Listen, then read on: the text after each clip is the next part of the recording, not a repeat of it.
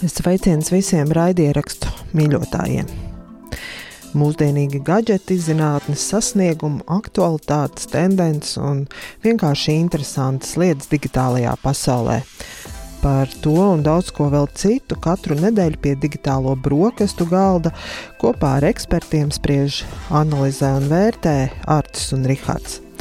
Manuprāt, Latvijas radio viens raidījums, podkāsts, video raidījums arī digitālās brokastis ir laba vieta un kompānija, ar ko kopā nosvinēt raidnīcas 50. epizodi. Jā, tieši tā, nu jau 50 sarunas ar raidierakstu veidotājiem par raidierakstiem. Paldies visiem, kas klausās raidnīcu, dalās un atbalsta, visiem, kuri arī klausās citus raidierakstus un līdz ar to atbalsta Latvijas raidierakstu vidi. Bet pirms ķeramies klāt sarunai ar Arti un Rihardu no digitālajām brokstīm, protams, Andreja Siliņa sagatavotie podkāstu jaunumi. Labdien, labrīt, labvakar! Pie mikrofona Andrēs Siliņš ar raidnīcas podkāstu pasaules jaunumiem. Apvienotā karaliste ir vieta, kur raidierakstu auditorija ir nostabilizējusies. Tā var secināt pēc vietējā mediju regulātora Ofcom veiktās aptaujas, kas parādīja, ka 25% jeb ceturdaļa britu katru mēnesi klausās podkāstus. Šie dati sakrīt ar iepriekš cita pazīstama izpētes uzņēmuma Edison Research publicēto informāciju.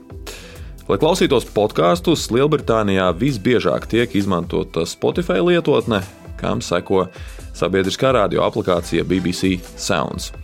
Procentuāli abām ir minimāls kritums, taču pieaugums vērojams trešajai populārākajai vietnei - YouTube. To par galveno platformu podkāstu patēriņam pērn atzina 31% britu, bet šogad jau 34%. Samazinājies Apple podkāstu lietotāju skaits. Ja pērn tas tuvojās trešdaļai, tad šogad jau mazāk nekā ceturdaļa no respondentiem atzina to par sev iecienītu raidierakstu platformu. To, ka trešo pušu platformas kļuvušas par neatņemumu industrijas sastāvdaļu, apliecina tas, ka pašu podkāstu mājaslapās tos, tāpat kā pirms gada, arī tagad klausās pavisam niecīgs skaits - 1-2%. Aptaujā tika pavaicāts arī tas, kāpēc tu pārtrauc klausīties kādu podkāstu, un populārākā atbilde bija: nevarēju atrast sev neko interesējošu. Ņemot vērā, cik daudz dažāda satura ir pieejams podkāstos, tas liek secināt, ka raidierakstu veidotājiem aizvien aktuāla ir senā problēma ar sava satura nogādāšanu līdz klausītājiem.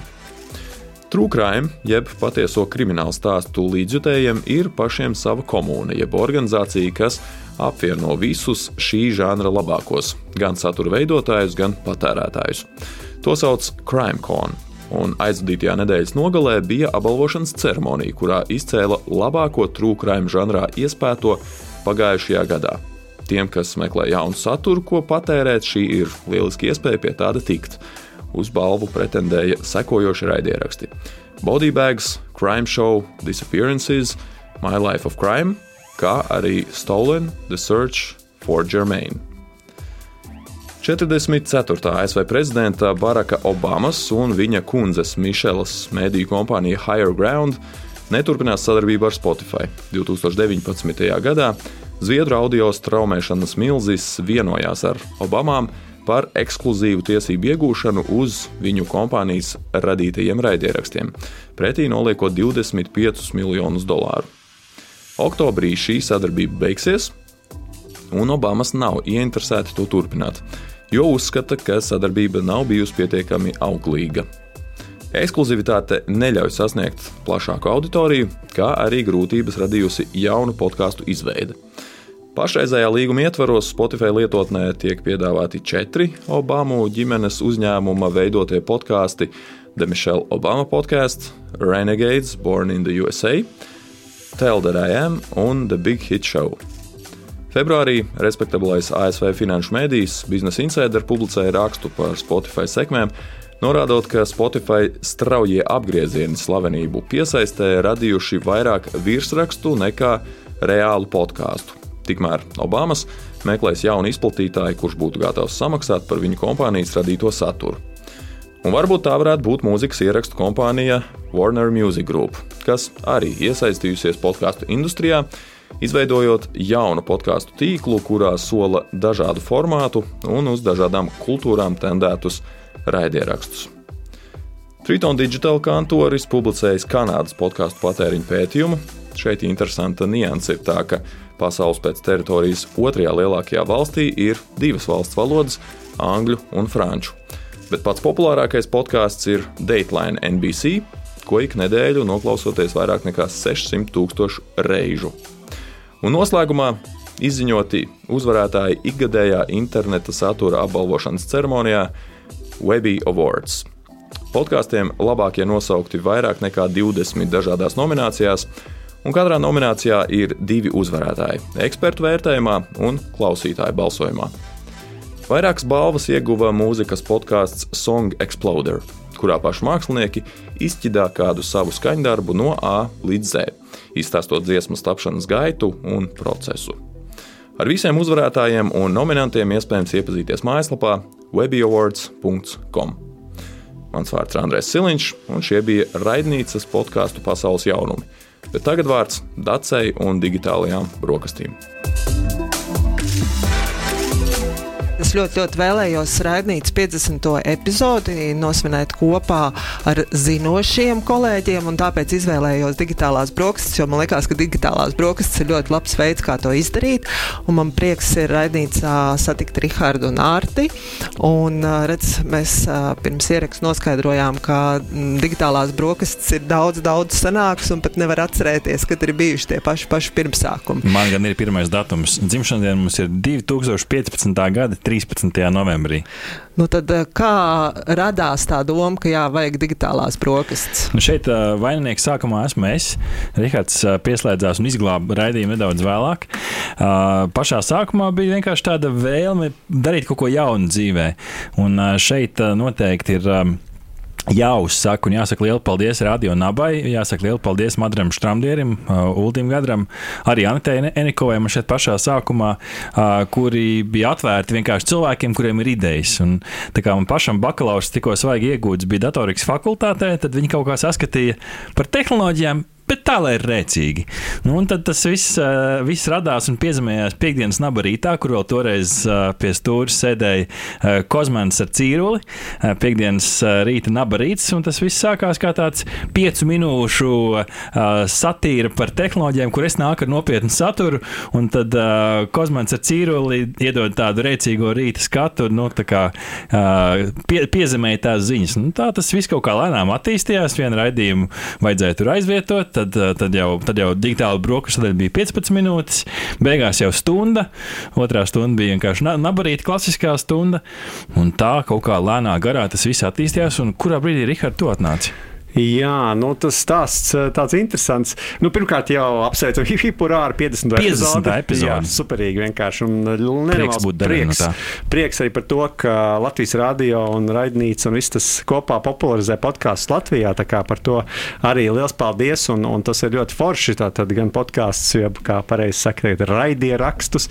Uh, un, nu jā, taisnība. Tas sākums man arī bija radio naba, un es sākumā vadīju arī patiesībā interviju raidījumu raidījumu studentu pieturas ietvaros stāstīja par to, kā tuvināt darba tirgu izglītībai. Tās bija intervijas ar nozares profesionāļiem, kuriem stāstīja vienkārši, kā viņi ir nonākuši līdz tam, uh, ko viņi dara šobrīd profesionāli. Un, un ja tā padomā, tajā brīdī to neviens par podkāstu vai par raidierakstu nesauc. Bet patiesībā tas bija, tieši tas pats.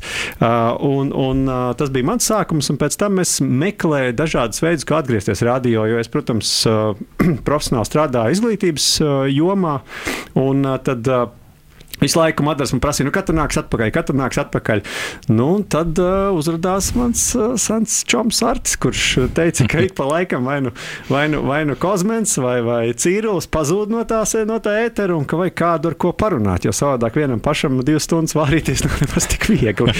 Un, uh, pašam tad, smieties par saviem jokiem. Jā, jā, jā, un tad es, kā saka, es biju paņēmis tādu nelielu pauzīti profesionālajā dzīvē uz dažiem mēnešiem, un tad man bija brīvs laiks. Es uh, tīri labi jutos, ka es varu no rīta agrāk piecelties uh, un aizbraukt uz rādio. Tad, tad es tādā veidā arī pievienojos Artimjam. 337 nedēļas kopš dzimšanas dienas norēķinos svētkus. Tur sanāk ap 300 raidījumiem. Varbūt pat būtu interesanti kādu dienu saskaitīt. Un tad, uh, tur ir gan radio naba izskanējušie raidījumi, gan arī tagad jau Latvijas radio. Un tas bija jauns cēliens Latvijas radio. Šeit arī vis, vislielākie pateicības vārdi gan Madaram par to, ka meklē iespējas arī mums augt kaut kur plašāk. Un šeit pateicība noteikti uh, Inesai un Agitai uh, par, uh, par mums. uzticēšanos mums patiešām. Nu, viens puses nu, uzņemt kādu raidījumu no citas radiostacijas, mm. it kā no, no savējo radiostacijas, bet paņemt un ielikt arī šeit multimediju studijā Latvijas radio. Patiesībā liels uzticības mm -hmm. kredīts tam visam. Un tad pagājušā gada sākumā, man šeit 8. janvārs, ir. Klausītāji ir Latvijas radio viens pirmo reizi izdzirdēja, ko? Ziņa numur viens! Jā, ha, ha!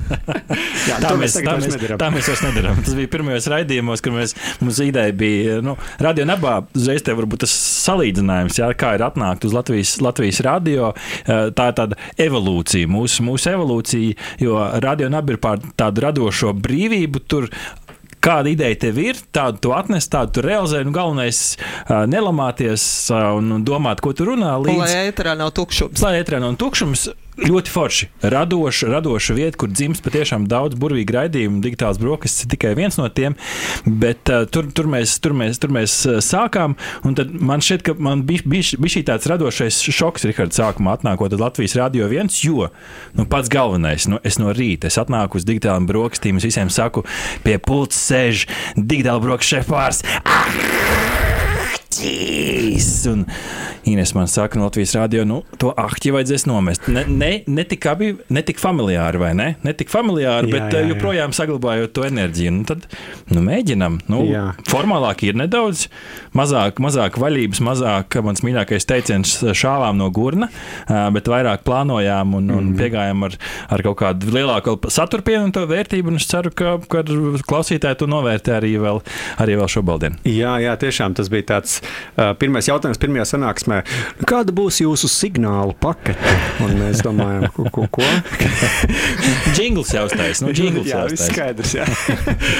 nu, lūk, tā kā tas bija tā, tas bija tā ļoti forši. Bet tiešām, kā jau Vārts teica, tas, ja mēs runājam par izaugsmes sadaļu, tad, protams, tas iedeva to struktūrētību. Mēs vairāk domājām pie detaļām, bija iespēja izkopt kaut kādas nianses. Jo tajā brīdī, kad ir improvizācija, ir tieši forši salikt lielos blokus un tad vienkārši viņos iekšā spēlēties. Bet uh, tagad bija tā, ka bija jāpieņem katrs bloks, jāsadala mazākos gabaliņos, jāsaprot, kā kur to gabaliņu mm. var uztaisīt uh, precīzāk, veiksmīgāk. Protams, pazuda kaut kas no tās burvības, kas bija Protams. sākumā. Bet noteikti, ja tā paklausās, salīdzina, tad uh, gan audiāli, gan tā Evolūcija, no informācijas vārds, apmā, apjomu, mm. ko mēs uh, varam tajā stundā ietilpināt, tā noteikti ir izaugsme. Vēl viena lieta, ja man, ja man prasītu vēl viena lieta, kas ir ļoti, ļoti vērtīga, tad uh, forši tas, ka ir tāda arī struktūrēta atgriezniskā saite. Diemžēl ne no klausītājiem tas ir kaut kas, kas pietrūkst, bet uh, noteikti tas, ka radio iekšienē ir tā savstarpējā izvērtēšana, kur tev iedod atgrieznisko saturisko saiti gan par uh, to digitālo pusi, kā mums veids, uh, gan par uh, saturisko pusi, arī gautoju par to, kā mēs runājam, jo tur noteikti ir daudz pie kā strādāt. Tad, tad tas man liekas ir tāds reāls iegūms, kas ir, kas ir forši. Un tā sasniedzamība, ko iedod Latvijas rādio, tur teikt, mēs esam dzirdami visā Latvijā. Mums klausās no bērniem līdz, līdz senioriem. Uh -huh. uh, izaicinājums un reizē arī, arī bonus nu, jā, jūs teicāt, tas ir izaugsmes punkts, un tā ir tāds pakāpiens, mm -hmm. bet tajā pašā laikā ir tie visi tie ierobežojumi mm -hmm. arī, nu, ko tu vari, ko tu nevari, kā tev jādara ir un kaut kāds tas rādio standarts. Tas, kas man, es gribēju to komplimentu, ka, tā, kad es jūs dzirdu rādio, jūs noteikti neizklausāties, nu, tā kā tas tipiskais Latvijas rādio, jūs tomēr ienākat ar savu stilu. tas ir labi, vai slikti? es domāju, ka tas ir labi, bet kā jūs to paši redzat, nu, tā kā, nu, no tā, tā jūsu procesa, vai, mm -hmm. vai jūs piemērojaties rādio, radio vajadzībām, vai tomēr radio lēnām piemērojās atkal jau tiem jaunajām balsīm vai jaun, jauni, jaunajam stilam? Man, man šķiet, ka no vienas puses šīs Latvijas radio ir liels burbuļs, bet arī šeit var atrast ļoti daudz vietas radošumam. Tas radošums ir sakārtotāks, viņš nav tik haotisks kā iepriekš, bet arī šeit mums joprojām ir tā, ja tev ir ideja, ir, ir tam risinājums. Nu, protams, ir kaut kādas līnijas, kas ir jāievēro, bet es teiktu, ka ar, ar, ar to radošumu viss kārtībā, viss, viss notiek, un no tā radošā procesa teikt, ka mēs, mēs gan vairāk esam primāri, primāri mēs vairāk esam radio raidījums, kas pielāgojās podkāstu formātam, mēs noņemam no dziesmu, saliekam pa gabaliņiem, noņemam kaut kādas liekos ievadus, ko mēs iedodam priekš ētera un uzliekam virsū vāciņus. Rihards bija tas pareizais nosaukums. Jā, uzliekam vāciņus, kur ir iepriekš ierakstīts sākums un beigas, jā. kas ir tieši priekš, priekš podkāstu platformas. Līdz ar to mēs esam tāds radio podkāstu formāts. Ne, ne, ne īsti podkāsts, man šķiet, ka tāds īsts podkāsts tur tomēr ir vairāk tā mhm. brīvība. Mēs ejam ļoti sastruktēti. Mums intervijā ir vairāk jautājumu, vienmēr kā vajag. Viss, viss ir, vis, visam esam sagatavojušies. Tā. Mm, bet ir vieta izaugt, ir vieta radot radošumam noteikti. Jā, un, un es, es noteikti piebilstu, ka man šķiet, ka, nu, protams, es vēl nepārzinu visu lielo plašo Latvijas radio piedāvājumu, un piedodiet, ja es kādu vienkārši neesmu pamanījis. Bet man liekas, mēs arī bišķiņi esam uh, ielauzušies jomās, kur vienkārši iespējams neviens vēl tā līdz galam to kāju spēris nav Latvijas radio. Viens, Šur, piemēram, tur ir zināmais, nezināmais, jā, jā, jā. radio 5 par video spēlēm. Tieši tā, tieši tā, bet es, piemēram, domāju par tiem pašiem tehnoloģiju apskatiem. Jā. Jā? Tā tad uh, mēs apskatām tehnoloģijas, un nu, te ir stāsts, piemēram, sākumā sākumā mēs teicām, ka rekur, nu, mums dos telefons, pulkste, vietpūksteņus. Uh, nu, Galu galā mēs pat mašīnas esam testējuši. Uz testu tikai, protams. Jā, jā, jā. Taču šo ir jāpaskaidro, jo dažkārt klausītājiem šeit, ka mēs guļam vietāluņos un mums garāžā ir desmit mašīnas. Tā, nav. tā, tā nav, protams, jā, mums uz nedēļu viņi iedod, un tad vai pat uz dažām dienām mēs varam mēģināt ātri paspēt visu izvērtēt. Bet, piemēram, nu, ir jautājums, vai mēs drīkstam ēterā piesaukt noteiktus, noteiktus zīmolus. Jā. Jā. Uh, un, nu, No šiem pirmā atbilde, protams, ka nē, nu, tā būs reklāma. Bet nu, mēs nācām ar savu skaidru vīziju, ka nu, tā gluži nevar. Tas būtu apmēram tāpat kā nezinu, runāt par koncertu Zintra koncerta zālē un neteikt, ka tur spēlēs Raimons Pauls. Nu, tas ir ļoti līdzīgi zināmā mm -hmm. mērā. Un ka mums ir tas brands jāpiesauc, bet tas, ko mēs nodrošinām, ka mēs pasakām arī, ka rekur ir vēl citi, ir A, citi zīmoli. Tieši tā, un šim Jā. ir plus un mīnus. Mēs arī katru izvērtējam, pasakām, ko ir jāzina pirms pirkt, un kas ir tie arī mīnusi masiņi. Līdz ar to, nu, piemēram, šī ir viena joma, kur, manuprāt, Latvijas rādījā vēl neviens nav bijis. Mēs arī, man liekas, esam pirmie, kur iemet vietālu un ūdeni. dzīvē, nu, ne dzīvē, ētrā, bet ierakstā. Ja. un, un tā, un tādas, tādas nianses. Es domāju, arī audiovizuālā satura ziņā mēs noteikti neesam pirmie, bet mēs noteikti arī ar kaut kādām lietām sākām risināt kaut kādas jaunas lietas. Un šeit lietas. milzīgs paldies mūsu trešajam kolēģim, kurš vienmēr ir aizkadrā un parādās tikai mm. ar īkšķu vērtējumu par gadgetiem. Tas ir Arnolds Auziņš. Tiešām. Uh, tā ir tā vēl viena lieta, ko iedod tas, ka tu esi daļa no vēl, lielāka, no vēl lielākas stacijas, tas audiovizuālais noformējums. Jo, ja nu kāds klausītājs nezina, mēs esam redzami arī YouTube, Latvijas radio YouTube kanālā. Katru reizi ir saturs un nav tikai runājošās galvas. Mums ir papildus vēl bez tā, ka tiek filmēti mēs un, un viesi, kas nāk mm. pie mums studijā uz apskatiem. Mums vienmēr arī piefilmējam, kā profesionālos uh, apskatos uz uh, ziņu topu. Savukārt mums vienmēr ir kaut kāds pavadošais vizuālais materiāls. Uh, patiesībā tāds uh, TV raidījums, kas, uh, kas, kas ir arī tādā podkāstu formātā. Tāda, mm. uh, radio un televīzijas uh, raidījuma tādu formātu. Un, un mums jau ir domas par to, kā skatīties priekšā, ne? Saistībā ar televīziju. Jā, nu kā, kā, kādu dienu cerams, tas viss vēl pārtaps vēl vairāk vizuālā produktā, ko varēs gan, gan, gan, un tad, tad būtu ideāli. Bet tad, kā jūs savu nosauktu, ka jūs sakat digitālās brokastis raidījums, radio raidījums?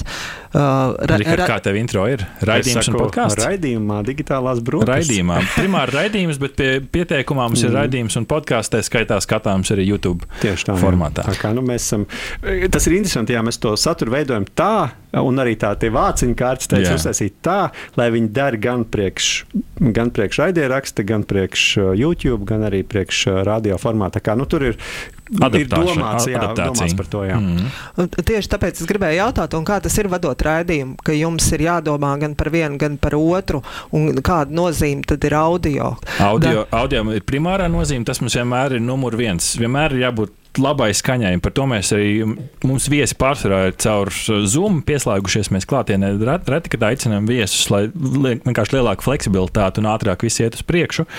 Bet primārais vienmēr ir audio, un pēc tam, mm. pēc tam, ir, pēc tam ir video, protams, nu, tādā secībā, bet nemazāk, nemazāk svarīgi. Mums ir jāpaturprātā, ka mums ir arī ir skatītāji, arī, kas YouTube kanālā skatās, un tad ir jāpadomā, kādreiz jāpaskatās arī uz mūsu skatītājiem kamerās, kad mēs viņus uzrunājam. Un, jā, un fonā paralēli gatavojot arī saturu, mēs meklējam kopā ar kolēģi Arnoldu arī vizuālos materiālus. Līdz ar to jāstrādā uz visām pusēm, bet tas ir patīkams izaicinājums katrā ziņā.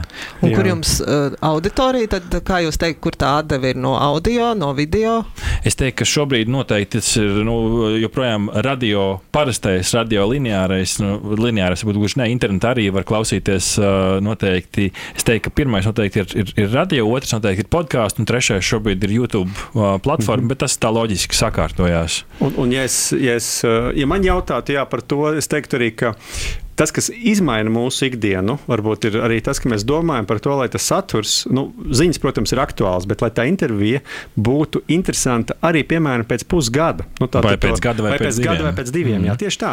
Uh, un par to gan mēs domājam, nu, lai tas saturs būtu tāds podkāstu veidīgs vai, vai YouTube, uh, kā, kā tāds uh, YouTube video, ko arī var tiešām paskatīties arī pēc kāda laika, un ka tas uzreiz nenoveco. Tā, kā, tā ir tāda, tāds, tāds uh, vēl viens aspekts, kas ietekmē to, ka mēs neesam vienkārši vienreiz izskatām, izskanām un tad esam atrodami arhīvā. Un, protams, ir daudz mazas nianses, lai mēs nemaldinātu arī uh, klausītājus vai skatītājus. Mēs, piemēram, Arts vienmēr ziņu sākumā pasaka, kur datumu ziņas tās ir. Lai, lai nav tā, kāds klausās un domā, oh, vakar kaut kas tāds noticis, bet izrādās tas pirms gada. mm -hmm. Un eh, jūsos klausoties, protams, ne visu, bet um, ir ar vairākiem raidierakstu veidotājiem esmu runājusi, kur ir nu, tā izteikuši klusu vēlmi, jā, varbūt kaut kad mans raidieraksts varētu ieinteresēt kādu profesionālo mēdīju. Mm. Varbūt jā, varētu ieteikumi, ja ir kāds, kuram ir tas sapnis kādreiz iekarot jau ne tikai mm -hmm. kādu podkāstu lietotni, bet iet plašumā. Varbūt jums ir kāda formula, kam sekot. For, formula varbūt ne, bet ir pāris atziņas, kas nebūs. nebūs nebūs vienmēr pozitīvs. Nu, varbūt šis ir mūsu individuālais ceļš. Mans noteikti Rihards pieslēdzās nedaudz vēlāk, bet tomēr, tā tomēr ir šobrīd jau cik Rihards vairāk kā 5, 6, 6 gadi. 2015. 7. gads jau drīz. Tas ceļš ir bijis garš, bet tas ir bijis mans ceļš, es sāku radio nabā, tad pieslēdzās Rihards. Tagad mēs esam Latvijas radio, mums arī ir YouTube. Tas bija tāds pakāpenisks process. Noteikti tas ceļš var būt īsāks priekš citiem, bet nevar cerēt uz to, ka pirmās, pirmo mēnesi es nostrādāšu, ir četri raidījumi, piemēram, gatavi, un tūlīt jau, jau būs ir, eh, tas ir stāsts par satura veidošanu, par uh, uzticības izpelnīšanos, jo nu, tev ir jāspēj ilgtermiņā to darīt. Tas parāda vienkārši to nopietnību tajā visā stāstā. Tāpēc jau eh, es domāju, ja mēs tagad sāktu un atnāktu pieklāt pie Latvijas radio durvīm, mums paskatītos divreiz. Uh, šo, tā kā mēs jau bijām to darījuši jau ilgu laiku, radio nabā, tas ir kaut kāds uzticības kredīts, ka, nu, ka šie, šie divi puiši mm. kaut, ko, kaut ko dara pareizajā virzienā, vai ne? Jā, jā, un man liekas, ka vēl viens tas pluss bija tas, ka mēs jau radio nabā mēģinājām iet ārpus ārpus tā, no, uh, ko no mums prasa. Tātad mēs paši taisījām uh, dzīvos video, mm -hmm. tātad Arts taisīja uh, Facebookā, ka Dievs, tas bija tik jautri. Mēs pat pirkām tās salokamās kājas, ko lika kaut kur pie sienas, lai var iestiprināt tos telefonus. Vienkārši domājot, kā ar minimālu ieguldījumu varētu uzlabot Jā. mūsu kvalitāti. Pirkām kaut kādus vadiņus, ar ko pieslēgt to telefonu pie uh, pults, lai mēs. Un tas varam... ir otrais secinājums patiesībā. Viens ir par to, ka ir jādara kādu laiku, lai vienkārši savu to mākslu noslīpētu. Otrs ir tas, ka eh, pat ar minimāliem līdzekļiem tu mm -hmm. vari strādāt pie kvalitātes. Galvenais, es teiktu, ka tajā sākumā ir domāt par to, nu, kas, ir, kas ir tie kvalitātes elementi. Noteikti tas ir skaņa. Nu, mikrofonam nav jābūt šādiem burvīgiem studijas mikrofoniem, kā mums šobrīd ir eh, šeit Latvijas radio eh, rakstot raidījumu. Bet ir arī, es teiktu, mūsdienās ir tur lielāks skaņas tehnikas speciālists. Es par minimāliem, minimāliem līdzekļiem varu izklausīties labi, vai ne? Jā, tieši tā. Un, un sapcīt, arī pētījumi rāda to, ka tam, kā tu izklausies, ir liela nozīme. Bet te gan uzreiz jāsaka, ka lai tas nevienu neattur uzsākt veidot savu podkāstu, jo, manuprāt, ja kāds grib uzrakstīt, man es varu pateikt arī par 10 vai 20 eiro var nopirkt ļoti labu kvalitatīvu mikrofonu, un tas nebūs plašpatēriņa veikalos, diemžēl, jo tur, tur tas būs tā cena pret kvalitāti nebūs atbilstoša, bet var dabūt ļoti labu to pašu lavalieru mikrofoniņu, ko var piesprāst sev, piesprāst viesim, mm -hmm. iesprāst mobilajā telefonā. Un tās skaņa būs jau ļoti, ļoti laba. Un tādu ieguldījumu nu, var atļauties sakrāt mm -hmm. katrs. Un uh, tajā brīdī tā skaņa būs pilnīgi pietiekama, lai varētu sākt. Tā kā nu, nav jāsakrāj mm -hmm. vissmalkākajam mikrofonam pa 500 eiro reiz divi un jānopērk pults un vēl kaut kas, tas nav obligāti nepieciešams. Un te mēs nonākam loģiski līdz tam trešajam secinājumam, jo patiesībā, ja mēs paskatāmies uz podkāstiem, tad mūsdienās tās formas, nu, kā tas saturs tiek veidots un nodots, ir ļoti dažādas. Protams, ir, ir podkāsts parastais, kur mēs apsēžamies, mēs ierakstām, apstrādājam, ieliekam pats vienkāršākais audio risinājums. Tad jau nāk klāt video, protams, un tad ir noteikti varbūt ambīcija, kāda mēs gribam uzreiz video. Padomāsim divreiz video, tas ir papildus uh, angliski production, latviski video apstrāde, uh, tas ir papildus, papildus ieguldījums no sevis. Tas ir producents darbs. Uh, tas, reāls, tas jau ir producents reāls darbs. Tad, protams, nu, jaunākās tendences, cik nu vairs jaunākās, Clubhouse, Spotify, Rooms, Twitter Spaces, tie ir nosīt podkāstu tiešraidē. Var iet arī tajā virzienā, vairāk iesaistīt auditoriju. Mēs par tendencēm noteikti vēl parunāsim. Es tī varu darīt daudz dažādas lietas. Es teiktu, ja, ja tavs dats jautājums ir nu, tie pirmie soļi, ar ko sākt, es teiktu, koncentrējamies uz saturu, uz skaņas kvalitāti un tālāk jau būvējam lēnā garā mm -hmm. klāt to, kas pašam arī ir komfortabli. Jo mēs, ne, mēs, daram, mēs daram to, ko mēs varam Jā. izdarīt. Mēs neceļam vairāk, kā mēs, kā mēs nevaram arī tajās arī digitāli brokastī ietvaros cilvēkiem noteikti podkāsts patiks nevis dēļ tā, ka ir smalks mikrofons, bet mm -hmm. tā cilvēka personības, dēļ, dēļ viņa komunikācijas prasmēm, dēļ viņa spējas uzaicināt uh, foršus viesus un uh, nu, dēļ tās ķīmijas, kas tur radās. Man liekas, ka vēl viens pluss, atgriežoties pie mums ar Arti, ir tas, ka mēs esam divi. Man šķiet, ka ir daudz, daudz grūtāk izveidot labu podkāstu, kur tu esi nu, saka, viens pats, iespējams, arī ar viesi, bet tu esi viens un tev ir jāspēj ar savu saturu vienam pašam aizraut. Un tas tam ir jābūt, manuprāt, ļoti lielam darbam. Tad, kad mēs esam divi, tā jau ir saruna. Man liekas, mm -hmm. ja kura saruna ir nedaudz vieglāk klausīties nekā viens cilvēks vienkārši mēģina ar savu balsi aizraut. Tā kā es teiktu, ka tas arī ir neliels tāds, tāds saīsni, tāda, nu, tāds un, un šeit, Richard, ceļš. Var, varbūt cilvēks teiks, bet kā? Paskaties uz Joe Roganu, kas ir iespējams podkāstu tāds, nu, Jā. lai arī kāda būtu viņa reputācija un ko viņš būtu sastāstījis. Es, nu, es noteikti neatbalstam visu, par ko viņš iestājās, bet, ja mēs paskatāmies tīri viņa profesionālu darbību kā podkāstu veidotājiem, viņš iespējams ir augstākais etalons, jo viņš sāka ar savu raidījumu, beigās viņu, pār, viņu, viņu, viņu pārpirka Spotify un patiesībā uzlika tādu savu vēnkuru visam. Tas iespējams ir, ir, ir, ir tas pats, pats augstākais, bet, bet nu, tur var, var, var daudz vienkāršāk arī, arī tie visā, visā, visā startēt. Uh, un, uh, Un atgriežoties pie tā punkta, mēs esam divi. Te var daudz domāt par to, ka iespējams viņš ir tikai viens, bet patiesībā viņam arī tur ir komanda, viņam arī ir cilvēks, ar ko viņš var saspēlēties, ja nu kas. Un mēs paskatāmies uz tādiem arī citiem podkāstiem. Bieži vien ir tas, ka ir, ja, ja, ja tas nav priekšplāna cilvēks, tas ir kāds aizkadra cilvēks, ar ko noteikti tā saspēle. Un tad ir, tad ir vieglāk. Un te, te ir tā, tas ķīmijas jautājums. Mums ar Rihardu tā ķīmija ir tāpēc, ka uh, mēs ar Rihardu esam pazīstami jau krietni laiku pirms raidījuma, strādājuši studentu organizācijās kopā atrod, atrod kādu labu draugu kurš varbūt nav izcils runātājs, bet ar ko tev ir forša saspēle, un tas pārējais nāks, tā runāšana Jā. attīstīsies. Ķīmijai man liekas, ka arī mums mm -hmm. ir tā foršā kombinācija, ka Artim ir izglītība, uh, informācija tehnoloģija nozarē. Nu, man ir sociāla zinātņu izglītība. Es no tā ļoti maz ko saprotu, bet tieši tāpēc man liekas, arī tas tāds man mācīšanās process ir. Un es esmu tā, nu, kā lai saka, cilvēka parastā sabiedrības balss tajā visā. Tāpēc viņš ir šefpavārs un es esmu gurmāns. Ja? Jo nu, Artim izglītība arī ļauj runāt pēc būtības. Par to viņam arī ir mēdījos izglītība. Ja? Es esmu politologs. Nu, tas ir tā, nu, kā saka izglītība ļoti laba, bet, bet nu, teiksim, no tās pamatsatura, par ko mēs runājam, nu, ir salīdzinoši maz tas skarts. Un tad ir arī tā forša, ka ir cilvēks, kurš ir nosacīts joms nu, zinātājs, un ir tas, kurš mēģina saprast, kā uz to skatās cilvēks, nu, kuram nav tādas izglītības. Un tādā veidā arī tā ķīmija izveidojas, vai tā kombinācija, ka mēs spējam runāt gan ar, gan ar vieniem, gan ar otriem, un, un, un mēģinam to tādā veidā arī kaut kā padarīt ļoti cilvēcīgu. Jums digitālajām brokastīm septiņi gadi, kā mēs tagad rēķinājām, viss kopīgi. Un noteikti esat arī vērojuši raidierakstu attīstību Latvijā paralēli tam, ko jūs darat. Kā, jā, mm -hmm sava raidījuma vadītāja. Es, es teiktu, ka pie mums, pie mums šobrīd jau ir labi. Es, es laikam raksturotu tā, jau ir labi. Jo, ja mēs paskatāmies, tad uh, gan Latvijas radio ir pilnībā iegājis raidījumos, ierakstos, podkāstos, kā man patīk to saukt. Uh, otrs noteikti platforma, kas ir jāizceļ, un nav, nav, ko, nav ko slēpt. Delfiem ir uh, spēcīgs virziens, šajā virzienā viņi uzņem pie sevis. Arī mēs, starp citu, bijām. Jā, mēs principā sākām tur. Pat, patiesībā jāsaka, jā, ka liela, liela pateicība ir Delfiem, jo tajā brīdī, kad mēs nebijām Latvijas radio, mēs bijām radio Nabā un Delfos. Un tur bija tā, savukārt, tur bija lielākā auditorijas daļa toreiz. Ja ja mēs paskatāmies uz tādu podkāstu, podkāstu formātu. E, es teiktu, ka jau ir labi, jo dažādās jomās ir kaut kādi cēlonlauži, ir kaut kādi ledlauži, kur virza to uz priekšu, ir par to pašu komunikāciju, par to pašu mārketingu.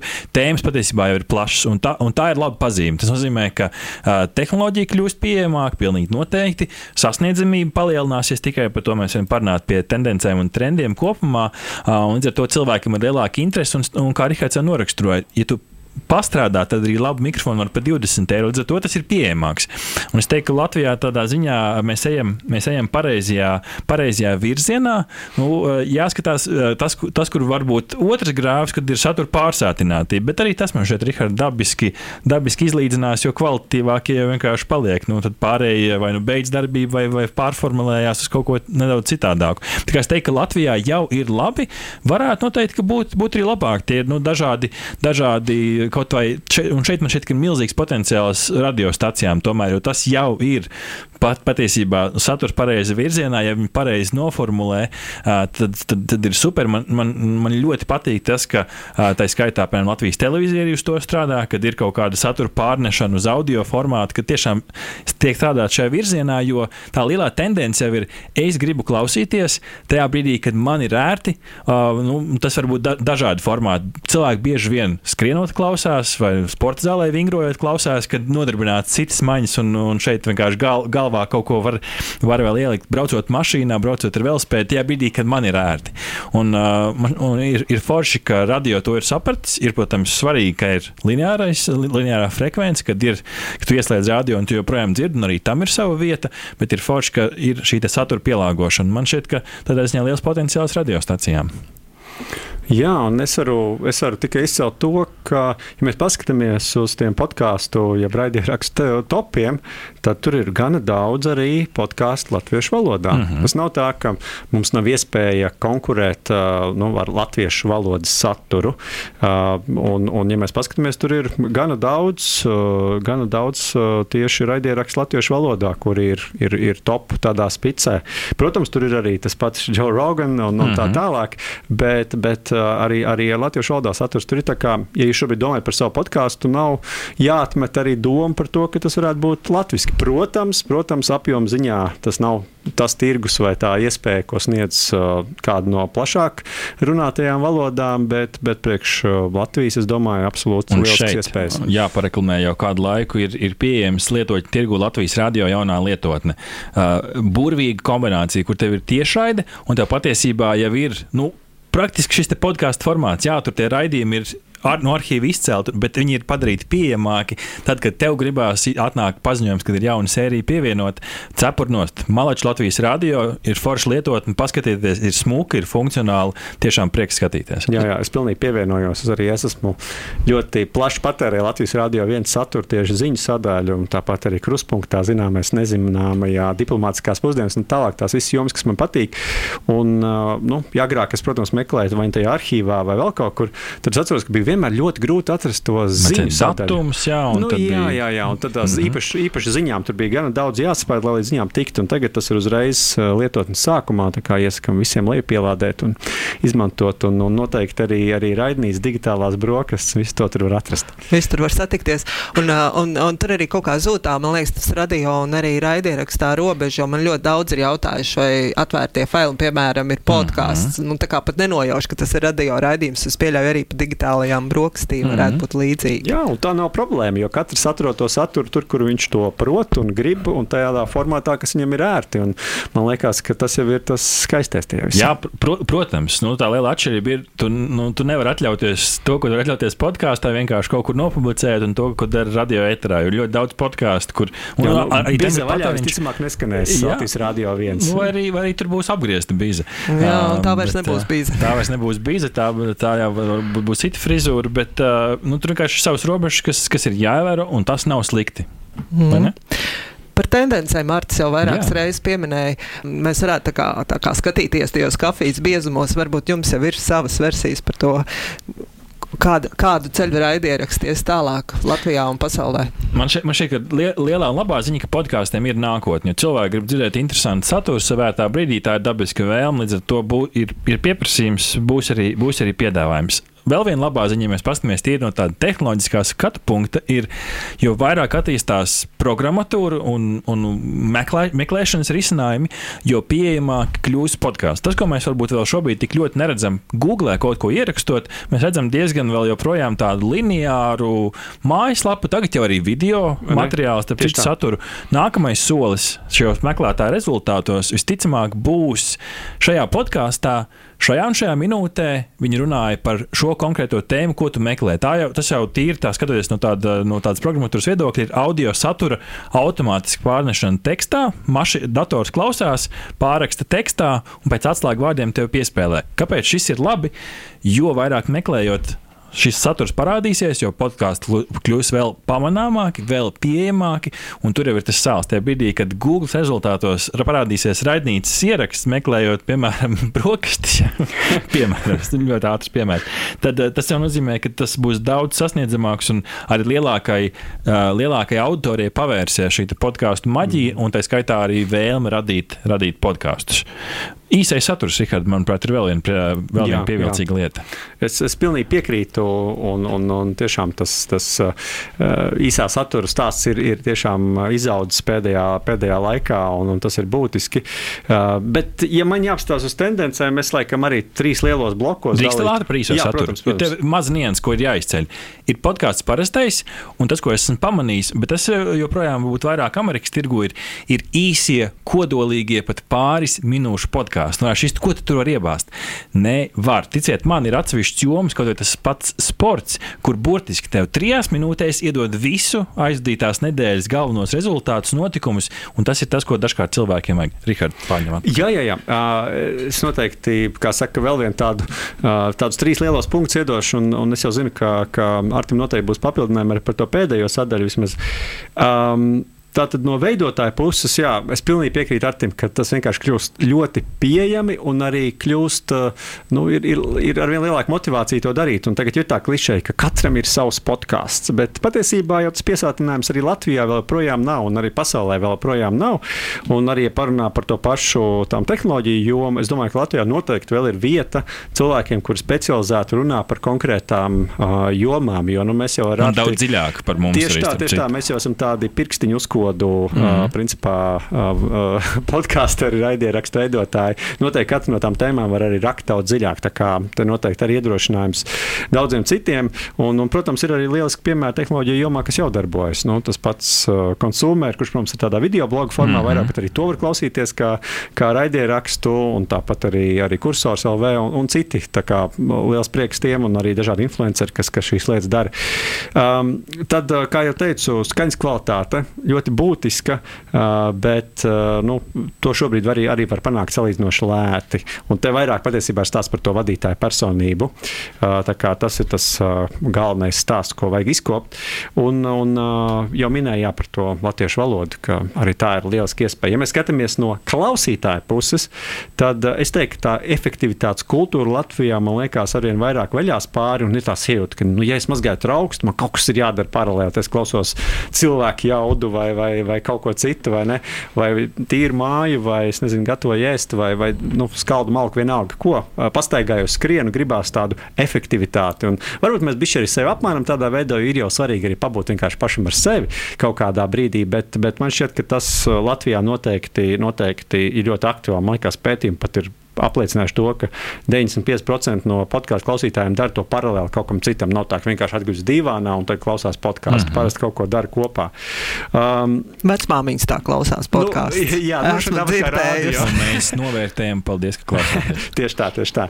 Uh, un, un nu jā, arī, arī viens pētījums, man liekas, Latvijas universitātes teica, ka, ka to podkāstu izvēle no klausītāja viedokļa ietekmē audio kvalitāte, vadītāja dikcija un spēja veidot komunikāciju. Atkal tie paši jautājumi, pie kuriem kuriem mēs jau runājām. Tāpat arī um, jārunā par aktuālu notikumu ietekmi un spēju tam pielāgoties. Es domāju, šobrīd nu, tās ļoti nelāgās darbības, ko Krievija veic Ukrajinā, noteikti ir ietekmējis ļoti pamatīgi arī podkāstu scēnu, tur parādoties jauniem, jaunam saturam. Tā tā tāda vēl viena lielā, lielā lieta. Un trešā puse, no kuras to visu paskatītos, un, un es ticu, ka Arts kā, kā mediju profesionāls noteikti varēs iedot vēl piemērus, bet man šķiet, ka tas, kā angļuiski to saka, engagement, tā iesaiste, -hmm. miedarbība. miedarbība ar podkāstiem ir ļoti liela. Un te ir tas laiks, kad mēs dzīvojam tādā Twitter, TikTok laikmetā, kur tur tās, cik tur tā zīmīts, ja tur 280, 140 agrāk, ja, vai, vai TikTok, kur tas video tagad arī kļūst garāki, bet nu, tik un tā viss īsais saturs ļoti gribās ātri, bet redz, kur podkāstu stundu un cilvēki ņem un klausās to stundu. Tas ir kaut kas, kas uh, noteikti arī nu, gan, gan valsts, gan privātajam sektoram ir ļoti interesanti, jo viņiem uh, gribās uh, būt tajā vietā, kur kāds cilvēks klausīsies stundu, un ja vēl tur mm -hmm. papildus viņš uzzina par to produktu vai pakalpojumu, ko konkrētais komersants vai valsts iestāde piedāvā, nu, fantastisks, fantastisks darījums, vai ne? Tas ir kaut kas, kas arī uh, attīstīs šo visu, un jau noteikti attīstīs gan pasaulē, gan arī Latvijā. Bet Zin, tur... Šo var nosaukt par tādu dumu dumpinieku radio. Podkāsts ir tāds dumpinieku radio. Ja agrāk nu, nu, šo varētu attiecināt tiešām uz radio nabu, jo tur tiešām radošā brīvība. Patiesībā tas, ko iedod, iedod podkāsts, ir gan izvēlēt katram savu radiostaciju. Vienkārši tur nav jādomā, ar ko tu aizpildi pārējo ēteru, jo tev ir konkrēt, konkrētais ēteris. Tad ir tāds dumpinieku radio, kas ir pieejams ar vien plašākam, plašākam spektram. Šeit, ja mēs runājam par lielajām tendencēm, grūti ir, protams, tie biezumos atrast un pateikt, būs šādi. Bet tas, kas noteikti nosaka tās tendences, ir lielo platformu investīcijas. Ja mēs paskatāmies uz ļoti konkrētu piemēru, Spotify. Patinam bildi atpakaļ, kādu laiku atpakaļ. Spotify bija par mūziku. Tur bija mūzikas, tur bija dziesmas, tur bija albumi. Arī gada beigu apskatos tev dominēja tiešām tavs uh, saturs, ko tu klausies kā mūzika. Jā, varbūt pa vidu kaut kur kāds podkāstu veidotājs mācīja ielikt arī savu podkāstu Spotify. Kas notika? Viņi saprata, ka tur ir ir tomēr zelts tajā visā. Līdz ar to Spotify veic investīcijas, un mēs paskatāmies tīri tehniski. Šobrīd blakus mūzikai ir podkāstu sadaļa. Podkāstu parādās arī tavu gadu beigu izvērtējumā, kas cilvēkiem patīk, ko tad es esmu klausījies. Ir atsevišķa sadaļa arī jau podkāstiem, un tas viss tiek vairāk attīstīts. Tur ienāks iekšā vēl video, līdz ar to tās tāds stāsts, kur, kur ieliks lielie, kādas platformas uztaisīs, tur diezgan daudzi arī aizies. Šeit gan nu, jāatgriežas pie tā, ka nevajag arī pārāk aizrauties. Tas, ka kāds iet video virzienā, atgādināsim, palieciet pie tā kvalitīvā pamata un sāksim, sāksim ar to. Bet video formāts ir priekš drosmīgajiem entuziastiem. Un šeit ir, esmu redzējis vairākus labus piemērus, nenosaukšu varbūt pēc nosaukumiem, bet tas, ko var darīt ar video formātu, ir, tu beidzot vari ieraudzīt, kā tā balss izskatās. Varbūt labāk dažkārt savus varoņus nesatikt, bet uh, tas ir veids, kā parādīt uh, savus aizkulises. Un šo diezgan bieži arī dara tajā brīdī, kad tev jau ir sekotāja lokus. Ir arī pieprasījums tam, lai redzētu, kā tas viss raidījums top, kā tas cilvēks dodas uz kādu notikumu. Uh, un tā ir vēl, vie, vēl viena šķautne, ko, ja tev ir tiešām cilvēki, kas grib to skatīties, uh, tad to var parādīt. Bet šeit mēs atgriežamies video prasa lielāku ieguldīšanos. Un šeit noteikti jāparunā arī par to ieguvumu. Jo nu, man šķiet, ka podkāsti ļoti balstās uz entuziasmu. Mūs, arī mūsu gadījumā, Rihards, viss balstās uz lielu entuziasmu, bet kaut kādā brīdī gribās arī iespējams sākt ar to pelnīt. Un tad ir jautājums, nu, kur attīstās podkāsts šajā virzienā. Ir, ir pāris labi piemēri, protams, nevar, nevar aizmirst par Patreon platformu, kas jau kādu laiku ir, kur tu vari vienalga saturs top vai netop, bet katru mēnesi tev no kartes noskaita kaut vai eiro, kaut vai 50 centus, bet no lielāka sekotāju skaitu. Tā ir jau pietiekami liela arī finansējuma finansiālā motivācija. Arī citas platformas šajā virzienā strādā. YouTube un šobrīd populāra lieta sāk kļūt arī podkāstu tiešraides versija, kas varbūt nebūs tik, tik gluda, viņa būs varbūt rupjāka, bet arī tur YouTube platforma, piemēram, strādā ar tādu lietu kā superchats. Tajā brīdī, kad tu gribi čatā izcelt, jo čats vienkārši griežās un uz nebēdu YouTube platformā, es esat redzējuši. Tu samaksā, piemēram, 5 eiro, un tā ziņa izlaiž priekšplānā, un arī raidījuma vadītāji, protams, godina tos cilvēkus, nolas to ziņu. Tas ir vēl, vēl, vien, vēl viens, vēl viens aspekts. Ja mēs paskatāmies, ko dara vēl lielās platformas, tad tas ir reklāmu laukumiņi. Ja zinām, Google Ads, kas ir visās, visās vienalga, kurā lapā tu esi, tur var parādīties jebkāda reklāma. Es to tikko, Rihard, izbaudīju. Es biju aizbraucis uz Vāciju un klausījos podkāstu Spotify platformā. Un kas notika? Šajā, pot, šajā Spotify mazajā lodziņā pēkšņi manējā angliski runājošajā podkāstā sāk skanēt Vācijas reklāmas. Nu, tev tas telefonā skanēt tieši. Ja? Tieši sāk skanēt. Oh. Pa vidu raidījumam, kur bija Spotify bija paredzējis, ka šeit ir vieta reklāmai. Tad individualizētas reklāmas. Kā vēl var pelnīt podkāstu kā influenceri, kas nu, mēs to nevaram darīt, jo Latvijas rādio ir ārā no reklāmas tirgus, bet citiem noteikti ir vieta, ko šeit, ko šeit darīt, kad kādi specifiskāki žanri, varbūt par konkrētu produktu, tendēti, apskate vai, vai cita veida raidījumi. Un tas pats, un es teiktu, tas pats tālākais, ko es varu šobrīd redzu saistībā ar pēļņu, tas ir saistīts ar kriptovalūtām klausā, maksā, maksā par minūti, jeb maksā klausoties. Nevis tu samaksā, piemēram, 5 eiro Patreon un tu dabūsi mēnesi visus raidījumus, bet, piemēram, minūte maksā 0,0001 centu. Smieklīgi maza nauda no vienas puses.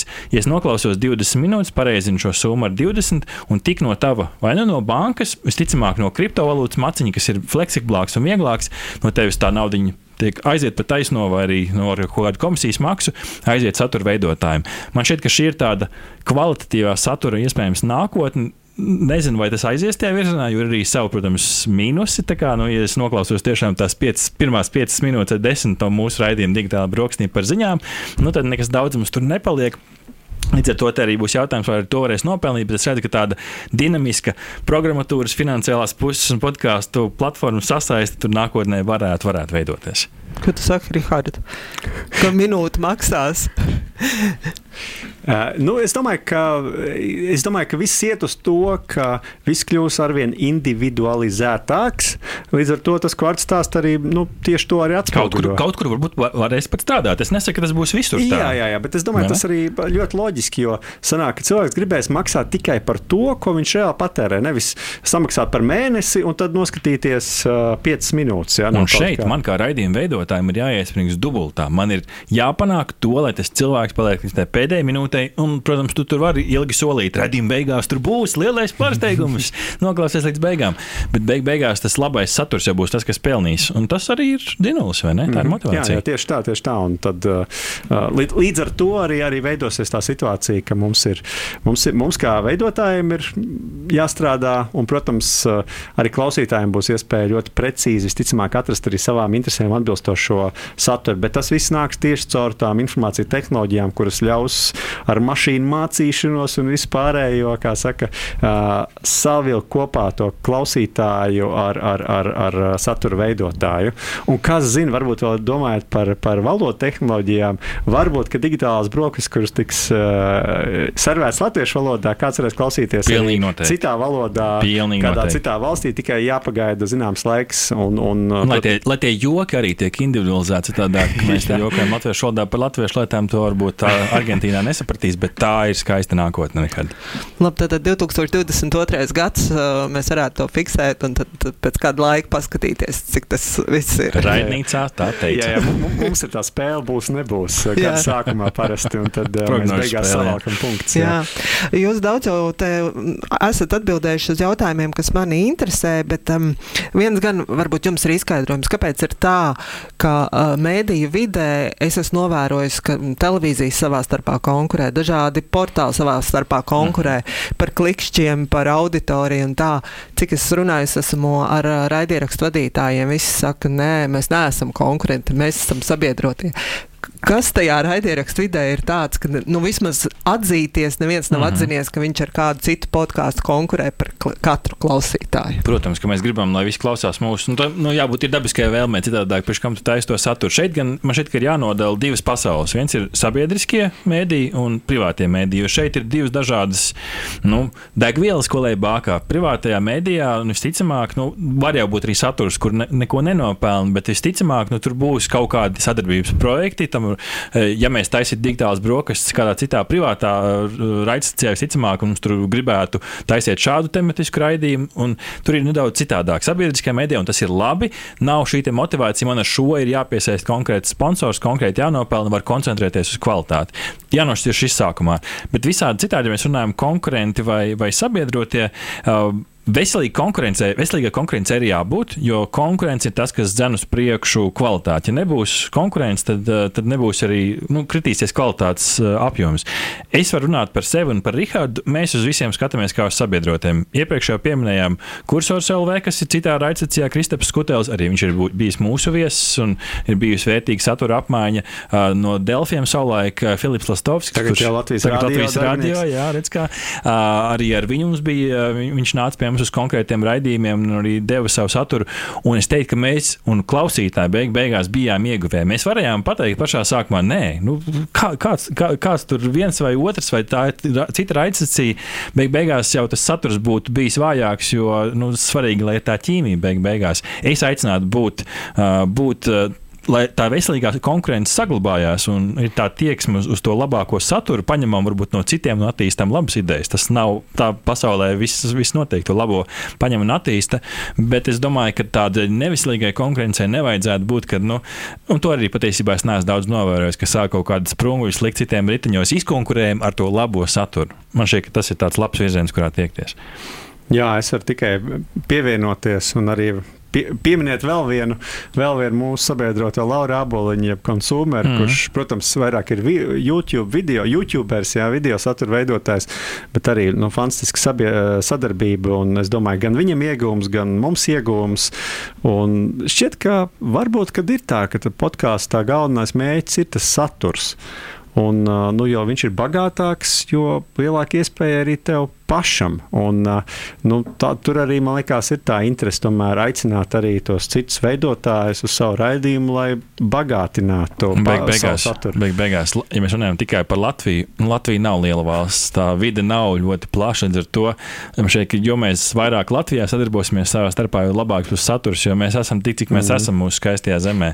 Līdz ar to vēl konkurēt lieki un ļaunprātīgi tas galīgi nav. Jā, un es pat nezinu, kāds varētu izpausties. Nu, tā kā man būtu redzījumā jāsaka, to ne neklausieties, jā, vai kaut kā tā. Man liekas, ka cilvēki jau paši izvēlas, ko viņi, ko, ko viņi klausās. Paldies, Rihard, paldies, Ārta, par to, ka man bija iespēja raidīt 50. epizodu pavadīt uh, digitālo brokastu. Jā, jā! Daudz baltu dieniņu, laimīņā dodi, diženi, raženi, raidoti. Forši. Un, un vēl, uh, man liekas, tā, šī epizode ir īpaša pirmā raidītas epizode, kas ir ierakstīta Latvijas radio multimediju studijā. Līdz ar to tas arī ir jauki to nozināt tieši šeit. Paldies, un tad tiekamies uh, raidierakstu viļņos droši vien. Tiekamies viļņos. Paldies par uzaicināšanu. Latvijas radio jauna lietotne, ziņas, mūzika, 200 dažādu raidījumu un visu Latvijas radio kanālu tiešraides. Radi pats savu radio. Veido savu raidījumu atskaņošanas sarakstu. Mēs tikai ieteiksim to, ko vērts nepalaist garām. Latvijas radio lietotni meklē App Store vai Google Play. Lejupielādē to savā telefonā un klausies Latvijas radio saturu savērtā laikā un vietā. Radio lietotne pieejama bez maksas un reklāmām.